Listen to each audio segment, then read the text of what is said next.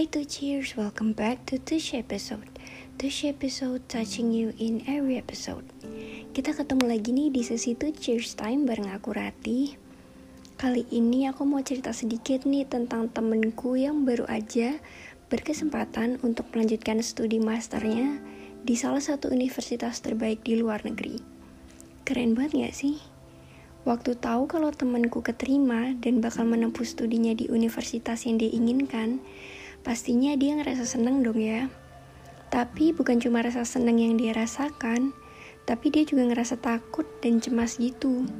Ya awalnya aku nganggapnya mungkin wajar ya, kamu akan berpisah dengan keluargamu dan tinggal di negara orang yang jaraknya jauh dan gak familiar. Tapi ternyata dia bukan mengkhawatirkan kalau dia bakal homesick, Justru dia cemas kalau dia ternyata nggak pantas untuk diterima menjadi mahasiswa di universitas tersebut. Dia ngerasa nggak worthy gitu. Kok bisa ya? Padahal aku melihat dia emang sebagai individu yang pintar atau intelektual dan I know that she deserves the opportunity. Nah, ternyata apa yang dialami sama temanku ini merupakan salah satu fenomena psikologis yang bernama imposter syndrome. Apa sih imposter syndrome itu? Imposter syndrome adalah kondisi di mana seseorang meragukan dan merasa tidak pantas terhadap prestasi ataupun kesuksesan yang telah ia raih.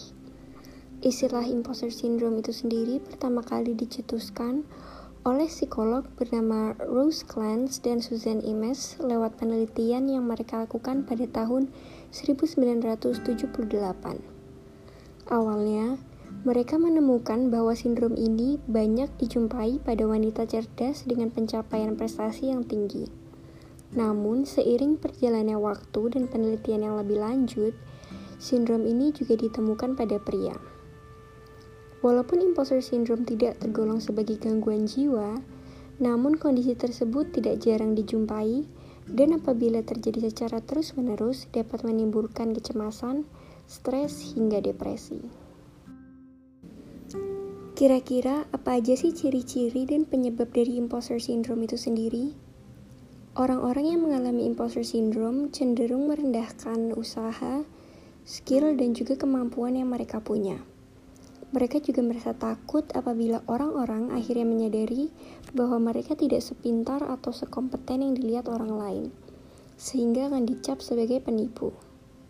Berikut beberapa tanda yang umum dijumpai pada orang-orang yang mengalami imposter syndrome.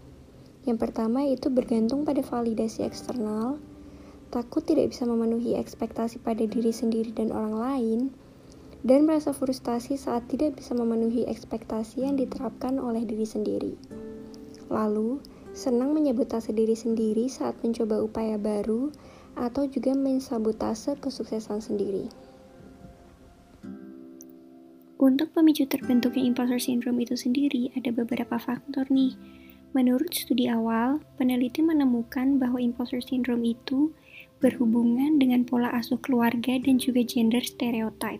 Namun, berdasarkan penelitian yang lebih terkini, fenomena ini bisa terjadi pada orang-orang dari berbagai background, umur, dan juga gender. Untuk pola asuh keluarga sendiri, Imposter syndrome dapat terbentuk karena pola asuh orang tua yang terlalu mengedepankan pencapaian intelektual dan kurang dalam mengajarkan kepada anak mengenai cara merespon kesuksesan maupun kegagalan. Memulai suatu peran yang baru juga dapat memicu imposter syndrome. Contohnya, menjadi mahasiswa baru atau memulai bekerja pada jabatan yang baru membuat kita merasa bahwa kita tidak pantas atau tidak mampu menjalani peran tersebut. Faktor lain yang dapat memicu imposter syndrome adalah adanya tuntutan atau tekanan dari masyarakat yang mementingkan kesuksesan, sehingga memunculkan pemikiran yang keliru bahwa seseorang akan berharga ketika dia berhasil dan akan dianggap tidak berharga ketika gagal. Untuk mencegah terbentuknya imposter syndrome, pertama-tama kita bisa mulai dengan menyadari dan mengakui apa yang kita rasakan Hal ini bisa dilakukan dengan menuliskan perasaan kita pada buku catatan, atau bisa juga dengan bercerita kepada orang lain. Selanjutnya adalah mengenal kekuatan dan kelemahan diri sendiri. Saat kita dapat memahami kekuatan dan kelemahan kita sendiri, kita bisa mencari cara untuk mengembangkan kekuatan yang kita miliki. Mengenal dan menghargai kemampuan diri juga penting dalam mencegah imposter syndrome. Kita bisa menuliskan hal-hal yang berhasil kita lakukan dan memberi apresiasi terhadap diri sendiri.